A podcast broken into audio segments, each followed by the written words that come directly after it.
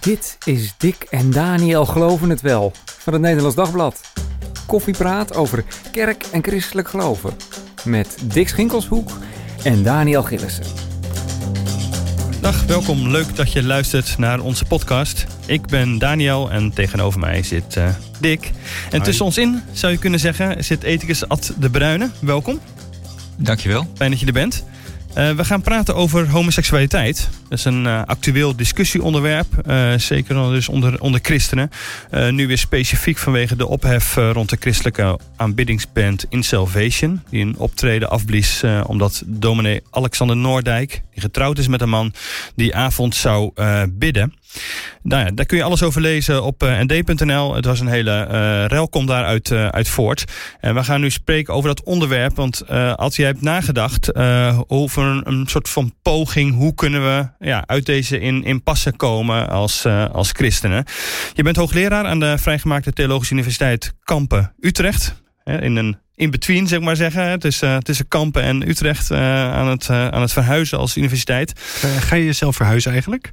Ehm, ik ga zelf niet verhuizen, nee. Ik reis heen en weer. ja, ik ben al wat ouder, helaas. En blijf maar in Kampen wonen dan. Ja, ja precies. Dat is wel net zo, net zo makkelijk. Goede treinverbindingen.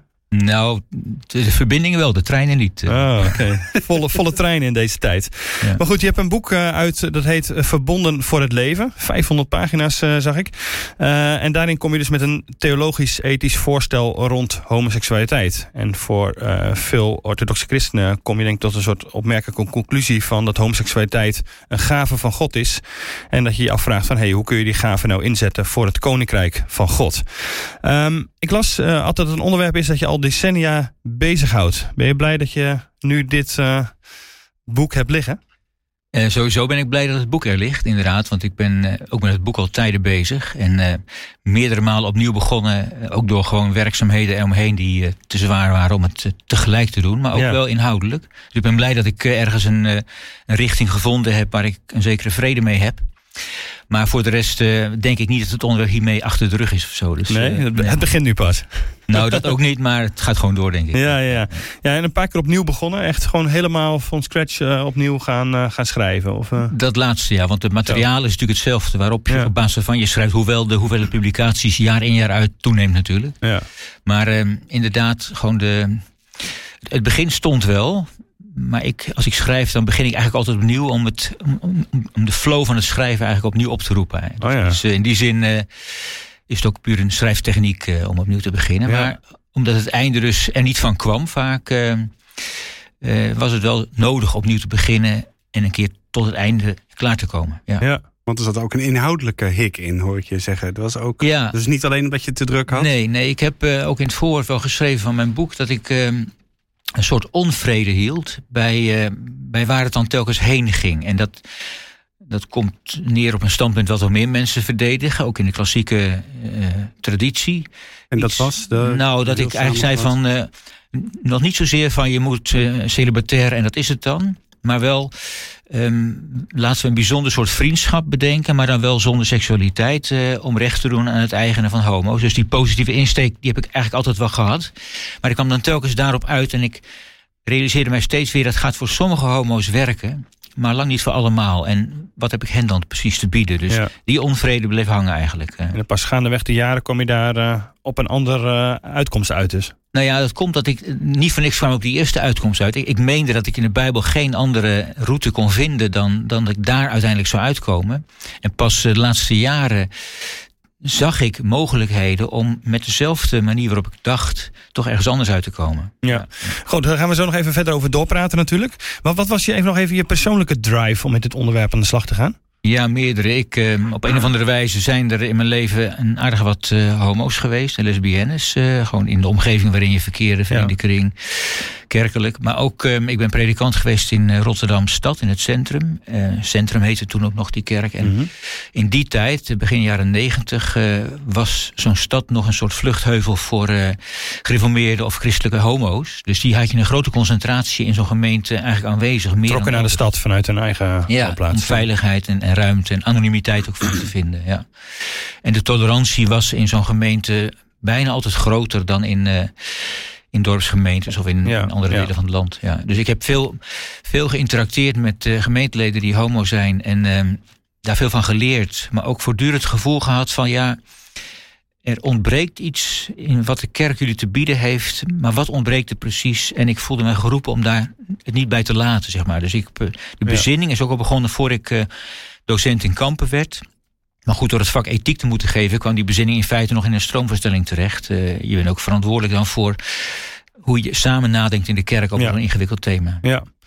Hey Dick, jij hebt, het, eh, je hebt je in verdiept in het onderwerp en het boek gelezen. Eh, wat is de context als het gaat om, om christen en, en homoseksualiteit?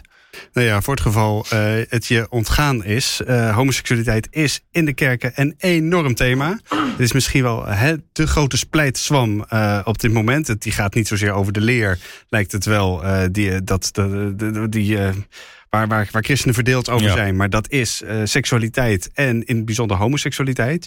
Volgens mij kun je dat wel, eh, kun je dat wel zeggen. En natuurlijk heb je aan de ene kant heb je een grote groep die zegt... ja, de Bijbel is volstrekt helder. De Bijbel wijst iedere vorm van homoseksualiteit af. Dus wat je ook doet, waar je je ook in beweegt... dat is dat daarmee doe je afbreuk aan het gezag van de Bijbel. Mag niet. Dat, Ja. dat, dat je hebt vaak het niet. onder, onderscheid gehad. Ik bedoel, je mag wel homo zijn, zeg maar. Dat je het bent is oké. maar je mag het niet doen. Je mag geen seks hebben met een, iemand van hetzelfde geslacht. Ja, dat is, eh Ad, als ik me niet vergis... is dat een vondst van jouw voorganger eh Jochem Dauma... om dat zo op noemer te eh, ja, die brengen? Maar eigenlijk is het ook wel wat de katholieke kerk in zekere zin altijd gezegd heeft. En ik denk een hele inmiddels brede stroming in de evangelical wereld die het zo benadert. Dus die hebben niet allemaal Dauma gelezen en toch hebben ze zelf de oplossing gevonden. Ja. ja, precies. En aan, en aan de andere kant heb je natuurlijk heb je progressieve christenen. En die zeggen: Ja, weet je, waar maak je je druk om? Er is geen verschil eh, eh, in de relatie van, van een man met een man. eh eh, is het vergeleken met een man met een vrouw of, of, of, of een vrouw met een vrouw? Ja. Weet je, dat, eh, het gaat om liefde, het gaat om, het gaat om trouw. De Bijbel geeft hier geen, eh, er zit geen strikt verbod, want de, de Bijbel kent homoseksualiteit niet zoals wij dat tegenwoordig kennen. Dus geen issue. Laten we hier eens heel snel mee ophouden. De kerk ja. heeft, eh, heeft, heeft homo's heel veel onrecht gedaan. Kappen hiermee. Ja. Dat is, nou ja, ergens, dat zijn dan de uiterste. En dan, eh Ad, zoals ik jouw boek dan lees, dan is dat jij daar ergens tussenin zit. En probeert iets verder te komen dan deze, eh, deze polarisatie die, eh, die we nu hebben gekregen. Ja, ja, met name omdat ik denk dat die twee polen die je net schetst... vaak ontstaan inderdaad rondom de uitleg van de Bijbel. En dat betekent dus dat de mensen op die teksten afvliegen die erover lijken te gaan. En de een zegt, die zijn volstrekt duidelijk. En de ander zegt, eh, ze zijn niet van toepassing, dus we bedenken maar iets. En dat dus we bedenken maar iets vind ik te weinig. Ik vind dat je als je een ethische route zoekt, over welk thema ook, dat je eigenlijk toch het geheel van de Bijbel openbaart over God, mens, wereld, seks in dit geval, ehm, moet doordenken. En pas in dat licht een conclusie kunt trekken. Dus ik vind het een te, te, te strikt op de tekst en het ander vind ik te, te makkelijk open eigenlijk. Want over, even voor de goede orde, over welke teksten hebben we het? Ja, Wat zijn de belangrijkste? Nou, de, de allerbelangrijkste is Romeinen 1. Dat is ook de meest duidelijke tekst als het gaat om motiveringen in de, in de Bijbel. Waar duidelijk homoseksueel verkeer, tenminste het woord bestond toen niet, hè, homoseksualiteit, maar gelijkgeslachtelijk verkeer afgewezen wordt. En er zijn een paar andere teksten in, eh, in het Nieuw Testament die er in feite in dezelfde lijn liggen, veel korter. En je hebt de oud-testamentische context, met name Leviticus, waarin eh, een vergelijkbare afwijzing staat. En waarschijnlijk mag wel aannemen dat Paulus in Romeinen 1 mee met Leviticus in zijn achterhoofd eh, gedacht en geschreven heeft. Maar dan kun je nog zeggen, dat wordt, volgens mij wordt het vaak zo uitgelegd. Dat gaat om vormen van prostitutie, tempelprostitutie, misbruik van, van jongens door, door oudere mannen. Uh, dit gaat helemaal niet over uh, twee homo's die samen uh, die van elkaar houden en, en, samen een relatie willen beginnen. Ja, ja, en dat is volgens mij niet waar. Dat is ook het probleem.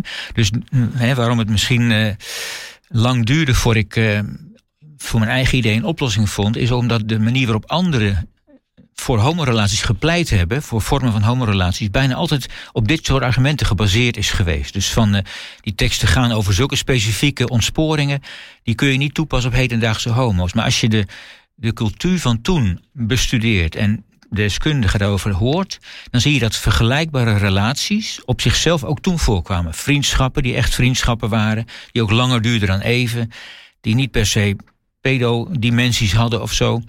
Tempelprostitutie is een hele discussie over het besta bestaan heeft zelfs wel. Dus iedereen praat dat maar na. Maar de oud-testamentici en de uh, mensen van de Bijbelomgeving, de mensen die de omwelt, zoals het heet, bestuderen, die hebben grote twijfels of dat ooit wel bestaan heeft zelfs. Dus, dus zo'n zo'n punt wordt veel te makkelijk ingeschakeld om je af te maken, in mijn ogen, van zulke teksten dan. Dus, Maar was het dan niet uh, voor jou duidelijk, oké, dan, dan is dat dus zo, dan wordt het dus afgewezen.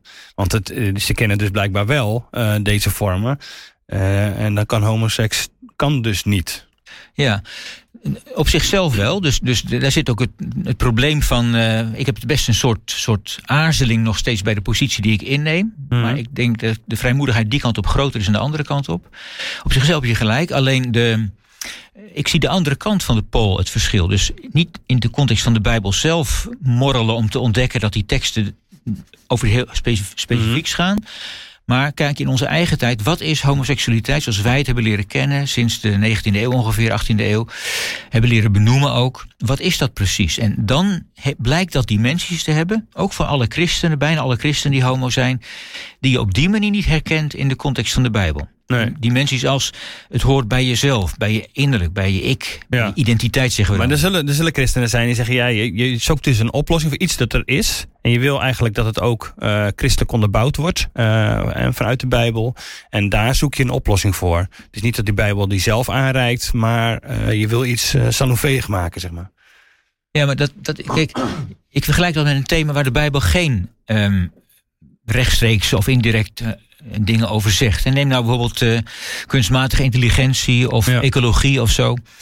Daar vind je geen teksten over. Toch kun je de christelijke ethiek over bedrijven. Ja, ja. Nou, ik vind dit punt, homoseksualiteit, iets waar de Bijbel iets over zegt, maar lang niet alles. Het is in veel opzichten ook een nieuw fenomeen, zoals die andere dingen ook nieuw zijn. Dan heb je dus de vrijheid en zelfs de plicht, lijkt mij, om net zo onbevangen en breed erover na te denken als je zou doen over die thema's als kunstmatige intelligentie en ecologie. Ja, maar kunstmatige intelligentie bestond echt niet, zou je denken. En een homoseksualiteit bestond wel. Dat het bestond. Niet, het is niet een uh, uitvinding, zou ik maar zeggen. Nee, dus dimensies als gelijkgeslachtelijke seks, dat bestond zeker. Ja. Maar het zijn van homo, in de zin van. Uh, het is mijn diepste wezen, of het ligt dicht bij mijn diepste wezen. Nou, ja, ja. dat vind ik zelf weer te sterk. Maar bij je ik, zeg maar, je identiteit, dat bestond op die manier niet. En de beleving ervan, voor zover we het kunnen reconstrueren, is in onze tijd uniek. Kijk, stel je nou eens voor dat je vandaag homo bent. En um, toch min of meer vanzelfsprekend zou moeten vinden dat je ook getrouwd bent met een vrouw. Of lesbienne en ook getrouwd met een man. Ja.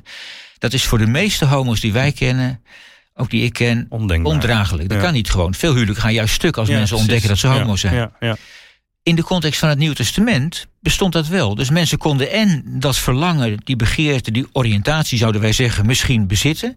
Maar het domineerde lang niet zo hun ik.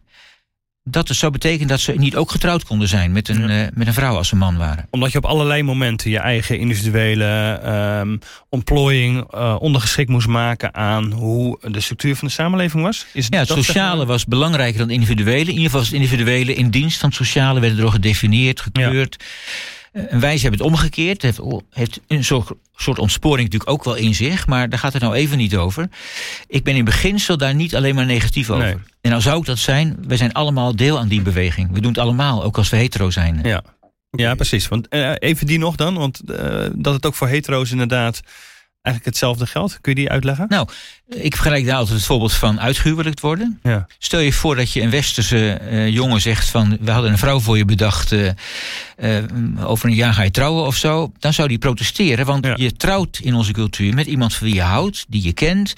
voor wie je verliefdheid voelt, um, die bij je past. Nou, al dat soort dingen hebben iets te maken met wie wij zijn... moet onze relaties mogen kleuren in de context van de Bijbel en van heel veel andere culturen is uithuwelijken. Ja, dat is nu eenmaal een vorm, een sociaal geaccepteerde vorm. En je ik heeft zich maar te schikken erin. En ja. het lukt ook wel, dat is apart, het kan ook wel, maar voor ons is het ondenkbaar. Uh. Ja. Ja, precies. Daar, daar geldt eigenlijk hetzelfde principe voor. Ja. ja. Oké, okay, maar dan, uh, dan ben ik benieuwd hoe je dan toch de stap komt naar de mogelijkheid van. Uh, jij, jij concludeert uiteindelijk, het is maar hom homoseksuelen mogen ook een seksuele relatie met elkaar onderhouden. hoe volgt dat uit het, uit het voorgaande? Want ik snap nu inderdaad dat je zegt: oké, dus een, een, een homorelatie in de Bijbel. Kende, kenden ze dat niet omdat ze homoseksueel als oriëntatie, zeg maar, dat zo heel dicht, zo heel dicht bij je ik ligt, niet kenden.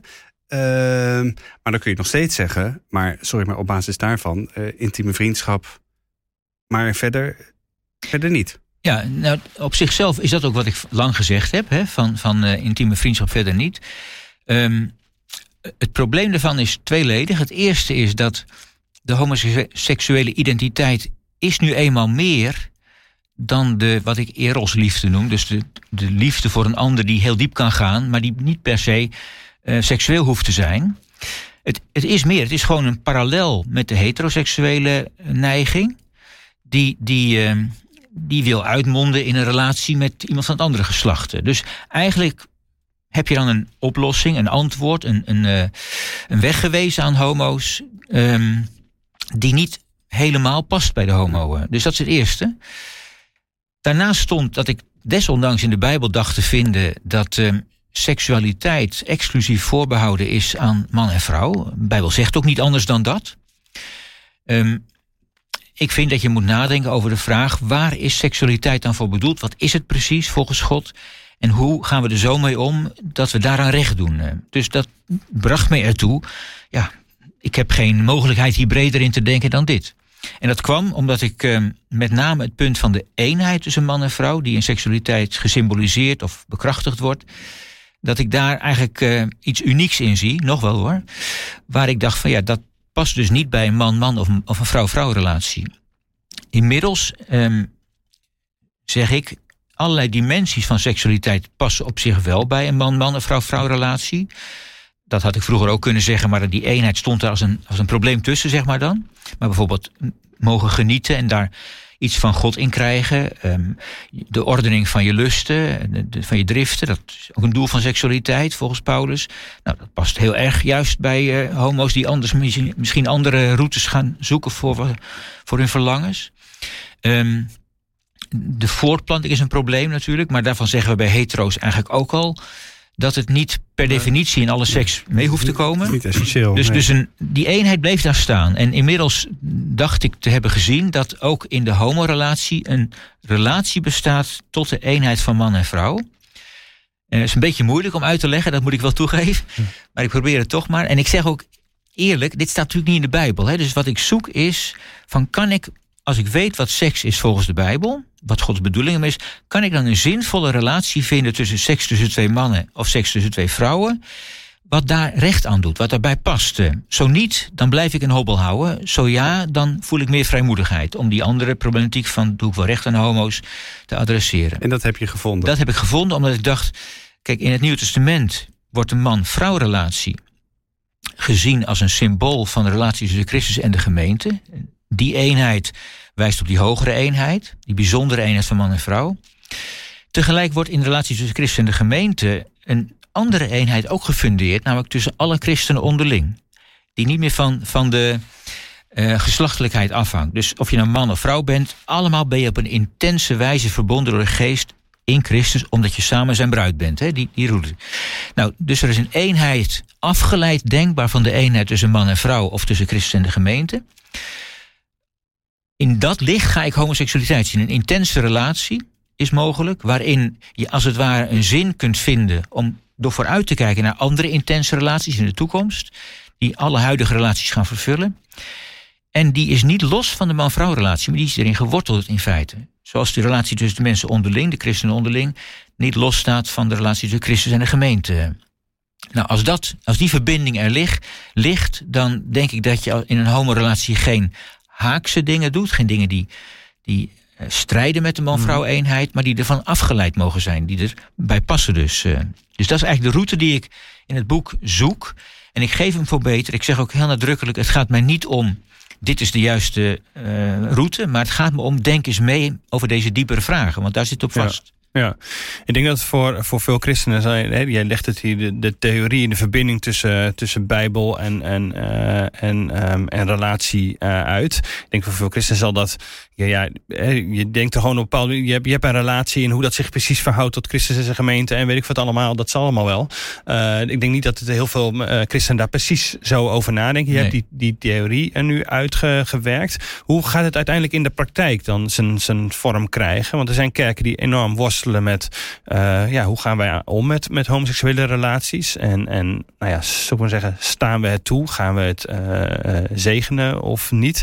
Hoe kijk jij daarna, naar het concrete dan uiteindelijk? Hoe werkt dat uit? Ja, nou, de conclusie van, of op mijn conclusie volgt natuurlijk dat, dat je in een homorelatie waarin sprake is van seksualiteit. Hè, er zijn ook andere denkbaar. Ik, ik wijs twee mogelijke routes. Hè. Eentje met en eentje zonder seksualiteit. Want de kern is, is die vriendschapsband. Die nieuwe band die. Maar voor de meesten dus, zal een dus- seksuele relatie onderdeel daarvan zijn. Ja, dat nou, voor de nou, meeste homoseksuele relaties. Er is een behoorlijke minderheid nu die toch die andere route ook gaat. Die wil ik echt niet marginaliseren. Die hmm. ik zie als twee gelijkwaardige routes uh, inmiddels.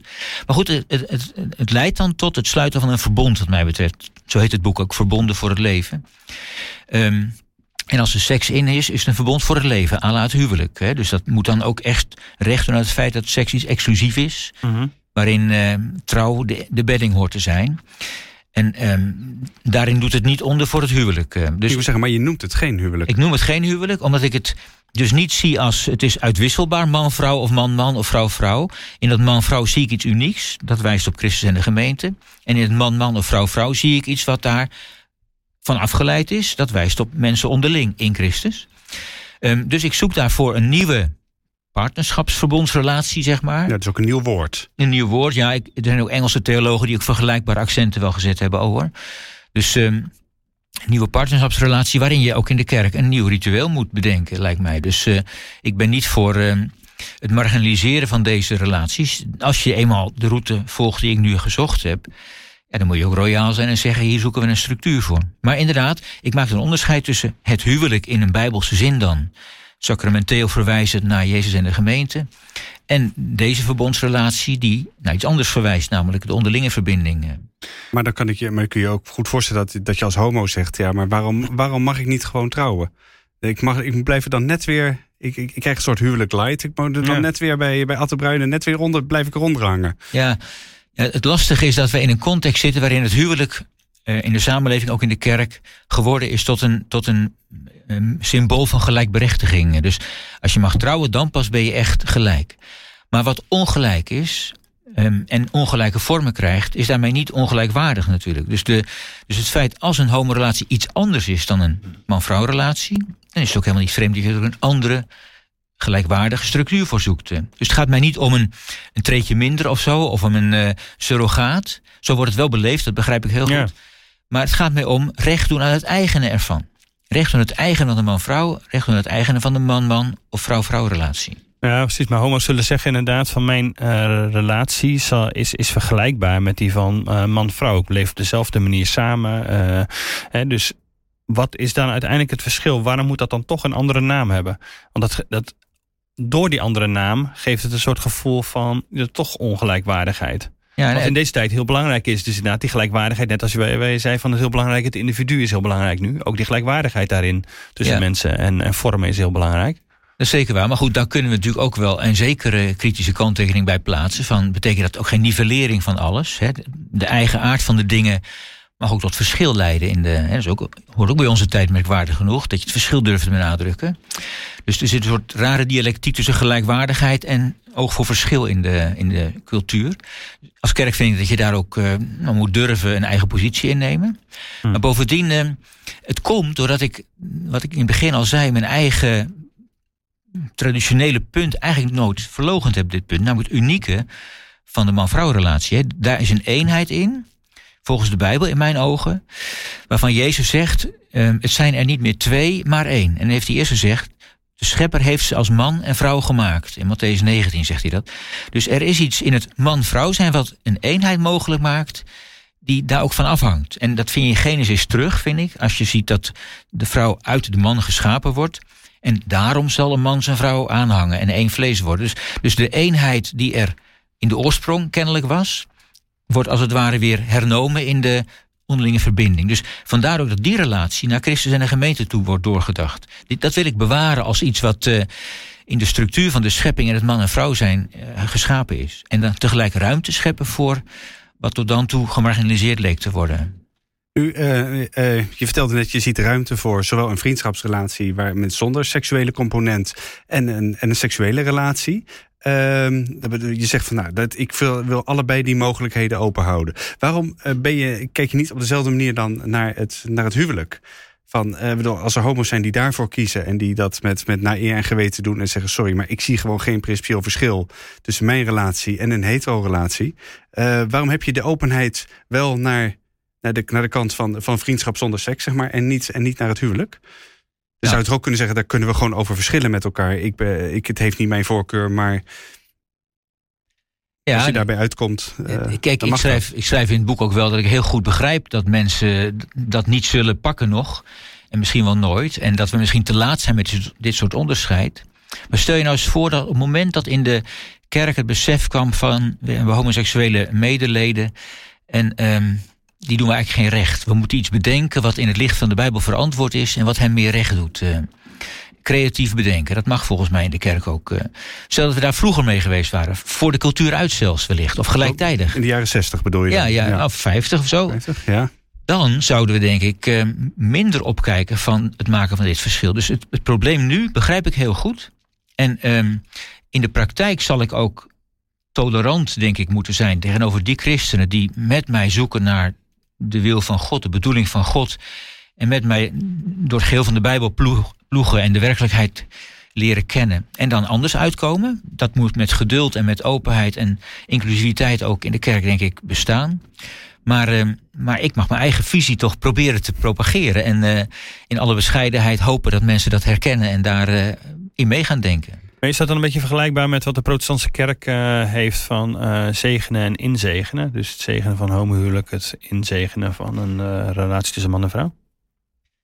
Ja, ik denk dat het in, in beginsel een vergelijkbare achtergrond heeft. Dat in de protestantse kerk ook de, voor een deel van de kerk in ieder geval, de, het een, een brug te ver was om het huwelijk open te stellen voor homo's. Terwijl tegelijk de situatie van de kerk erom vroeg dat er wel kerkelijk recht gedaan werd. Hè, ook vaak op andere argumenten dan de mijne nog weer. Ook veel eerder dan in mijn uh, context geval was. Recht gedaan werd aan een homorelatie. Dus vandaar dat in mijn ogen een soort compromis bedacht is toen. Om te mm. zeggen, we houden beide vleugels min of meer in, in binnenboord. Um, nou, in, als het op de praktijk uh, hetzelfde neerkomt, dan, dan, um, dan zou ik dat niet verkeerd vinden inderdaad. Alleen de achtergrond waardoor het ontstaat is denk ik anders geweest in de protestantse kerk. Maar, bleek je uiteindelijk voor, voor iets hetzelfde in jouw eigen kerk? Hè? De, de kerken vrijgemaakt, straks de, de Nederlandse gereformeerde kerken. Ja. Uh, zeg je, er moet ook zo'n soort liturgie ja, komen. dat denk ik wel. Ja, een, ja, een zegenliturgie, of hoe zou je dat dan noemen? Als mensen verbond sluiten, sowieso kan je een verbond publiek markeren. Ook, ook mindere verbonden kan dat. Dus misschien zouden we veel vaker in de kerk dingen moeten doen, ritueel, die mensen helpen om trouw te zijn of helpen om uh, iets samen om te ondernemen of zo. Hè. Dus, dus verbonden zijn, denk ik, hele mooie bijbelse uh, vormen waar rituelen bij horen. Maar als je een verbond voor het leven sluit, dan hebben we dus voor man en vrouw de huwelijksliturgie. De huwelijkssluiting in kerkelijke context. Dan moet je iets vergelijkbaars minstens bedenken voor mensen die ook een verbond voor het leven sluiten waar seksualiteit een rol in speelt. En hoe kijk je als ethicus dan naar, uh, naar kinderen? Ik bedoel, dat gaat natuurlijk niet, niet, niet vanzelf in een homo-relatie, uh, in, in menige hetero-relatie trouwens ook niet. Uh, maar als je de homo's bent, dan is, krijg je allerlei kunstmatige vormen van, van voortplanting. adoptie is denkbaar. of zeg je van dat hoort alleen bij het huwelijk en niet bij zo'n partnerverbond. Ja, in beginsel denk ik dat dus de kinderzegen, om het zo maar te zeggen, in de Bijbel sterk gekoppeld is aan die eenheid tussen man en vrouw. En ook dat de natuur ook iets zegt op dat punt. Dus de fysieke, uh, het fysieke onderscheid tussen man en vrouw is ook inherent verweven met kinderen en het krijgen van kinderen. Dus, dus de schepper spreekt ook via de schepping, denk ik, tot ons. Um, en als ik dan eenmaal dat onderscheid maak tussen twee soorten verbondsrelaties voor het leven, dan, dan eh, het huwelijk en de homopartnerschap, dan denk ik dat het er inderdaad bij past om het krijgen van kinderen, het creëren of het ontvangen van kinderen langs de natuurlijke weg eh, bij het huwelijk te houden. Eh, adoptie vind ik iets anders. Ook bij getrouwde uh, hetero's vind ik adoptie, als ze kinderloos zijn, hoe moeilijk het ook is hoor, maar vind ik eigenlijk alleen maar verantwoord als het belang van het kind dominant is daarin. Ook, ook in de cultuur is er steeds meer die beweging eh, nu aan het komen, terecht vind ik. Het mag niet per definitie gaan om de wens van de ouders dat je adopteert, maar het belang van het kind. Het kind moet ouders hebben, anders heeft het geen, uh, geen vormende context en geen zorg. Dus als dat zo is, dan um, vind ik het ook helemaal niet erg dat twee homo's of twee lesbiennes een kind zouden adopteren. Um, want ze kunnen prima samen voor het kind zorgen. En um, in Nederland mag je ook in je eentje een kind adopteren als het voor de zorg van een kind is. Dus, dus ik vind dat in een andere situatie eigenlijk. Dat vind ik niet een, een, de vruchtbaarheid van de relatie om kinderen te krijgen, maar vind ik in feite het, gebruiken van de bedding die, die, je samen mee hebt als, een relatie, uh, als een relatie is, om kinderen te verzorgen en, en groot te brengen. Vanaf wanneer is, denk jij, in de, in de, nou ja, de Nederlands gereformeerde kerken geregeld dat er inderdaad ook een partnerverbond uh, uh, gezegend kan worden? Maar daar ga ik niet over, gelukkig. Er, jullie weten dat in, misschien in onze kerk, dus de Nederlandse gereformeerde kerken, moet ik inderdaad gaan zeggen. Ehm, een, een deputaatschap bezig is. Dus een commissie die nadenkt over dezezelfde vragen. Ook een opdracht meegekregen heeft al een uh, aantal jaren geleden. En dat betekent dat een volgende landelijke vergadering slash synode... Um, dus niet die nu begonnen is, die is speciaal voor de vereniging uh, mm -hmm. ingesteld... maar die daarna doorgaat, zich zou moeten buigen over deze vragen. Dus ik, ik verwacht eigenlijk dat er op die synode beslissingen zullen vallen. En ik, gezien de de sfeer in de kerken, vooral als het gaat om kerkenraden en beleid, denk ik ook dat het um, een vergelijkbare richting op zal gaan als ik nu wijs in het boek. Misschien hmm. iets te optimistisch, maar. Maar dan de meeste ben kerken... net op tijd klaar dus. Dan ben ik net op tijd klaar, ja. En, eh, nog even, want als jij, er zijn kerken die dit echt zonder onhaal van woorden nog uh, afwijzen. Hè. Ik citeer even uit een notitie van een gemeente binnen de protestantse kerk, waarin staat: Wanneer betrokkenen aan hun seksuele, homoseksuele relatie vasthouden, zullen wij hen vragen zich te onthouden van de viering van het avondmaal. Ja. Zelfs. Uh, zeg ik er dan achteraan. Uh, hoe, hoe kijk je daar tegenaan? Dat op, die, op deze manier in kerken ja, toch naar. Um, naar homo's wordt gekeken of naar nee, degene met een, met een homoseksuele relatie? Nou ja, kijk, ik begrijp op zich zo'n opmerking wel. Als je op grond van de Bijbel meent dat dit echt een zonde is. Kijk, seksuele zonden zijn in de Bijbel niet licht. Dat zijn best heel ernstige dingen. Hè? Dat is ook een punt. Dus als dit een zonde zou zijn, ja, dan ben je eigenlijk alleen maar consequent als je er ook mensen op aanspreekt natuurlijk. Dan zou je iemand in de zonde laten leven en, en uh, zijn eigen gang weg van God laten gaan. Ja. Dus, dus ik, ik um, kan daar niet een negatief oordeel over hebben. Het enige is wel dat de praktijk leert dat de meeste kerkenraden in de context waar ik functioneer al. We hebben een empirisch onderzoekje gedaan in 2011 hiernaar. Al uh, dus meer dan tien jaar die praktijk niet meer doorzetten. Dus eigenlijk niet nergens afhouden van het avondmaal. Nee, om deze reden, omdat de vrijmoedigheid daartoe ontbrak. En bovendien uh, betekent dat in veel gevallen natuurlijk dat, dat homostellen ook de kerk verlaten. Dat zie je ja, gebeuren. Dat, ja, ja. Als, dat soort, uh, wel, als het wel praktijk is. Zeker. En ik vind ook wel overigens dat, ik zeg net, als het een zonde is, dan ehm, begrijp ik het wel. Je mag zonde nooit alleen op de uiterlijke daad toespitsen. Dus als mensen.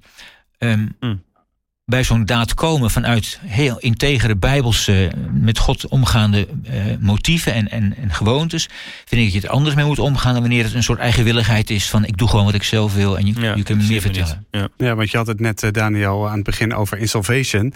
Uh, die, die, hadden wel behoorlijk wat vreemmoedigheid, om dat woord van jou maar te gebruiken, Ad, om in ieder geval weg te blijven in Monnikendam, omdat de, de predikant daar uh, homo is en getrouwd is met een man. Hoe, hoe, hoe, kijk je daarnaar dan? Ja, sowieso is, lijkt mij in de omgang tussen christenen onderling... en zelfs tussen mensen onderling is zo'n houding um, niet de houding van Jezus. Dat je gewoon met je lichaam stemt in feite en wegblijft. Uh, maak verbinding en zeg eventueel wat je ervan vindt. Maar verder vind ik ook dat als kerk op dit punt onherroepelijk... of we het nou leuk vinden of niet... zullen moeten leren omgaan met de pluraliteit die aan de groei is en gegroeid is al. Dus, dus als je de ander herkent als een, een broer of zus in Christus... ook die andere dominee of die andere met een andere opvatting dan zul je op een of andere wijze moeten dealen met dat misschien wel ingrijpende verschil wat er tussen jullie overblijft. Pas als je het eerste niet meer doet, ja, dan kan er een ogenblik komen dat je zegt: ik neem meer afstand. Ja. Dank, uh, Ad, voor, uh, voor je uitleg. Uh, we zijn benieuwd inderdaad hoe dit uh, vorm gaat krijgen uiteindelijk uh, in, de, in de kerk, in jouw eigen kerkgemeenschap, maar ook breder hoe dit vat gaat krijgen. Want dat is natuurlijk het ingewikkelde wat je zelf ook al zei. Van, nou ja, heel, heel veel, het is al, de posities zijn al een beetje bepaald. Wat het wel ingewikkeld zou maken om ook weer dit, deze voor een deel nieuwe positie te omarmen. Ja, nee, ik ben er zeer bewust. Ik, ik geef het voor beter en ik wacht af. Ja. Ja, hey, dank uh, daarvoor. Um, er is ook een interview met uh, Atte Bruyne te lezen in het Nederlands Dagblad van uh, zaterdag in de bijlage zondag geheten. Allemaal te vinden op nd.nl. Uh, daar kun je ook op nd.nl slash abonnement een abonnement afsluiten als je denkt van hé, maar dit vind ik heel interessant en om te lezen en om deze podcast te steunen, want dat kunnen we alleen met uh, de steun van onze abonnees. Doe dat en dank voor deze keer voor het luisteren en tot volgende week.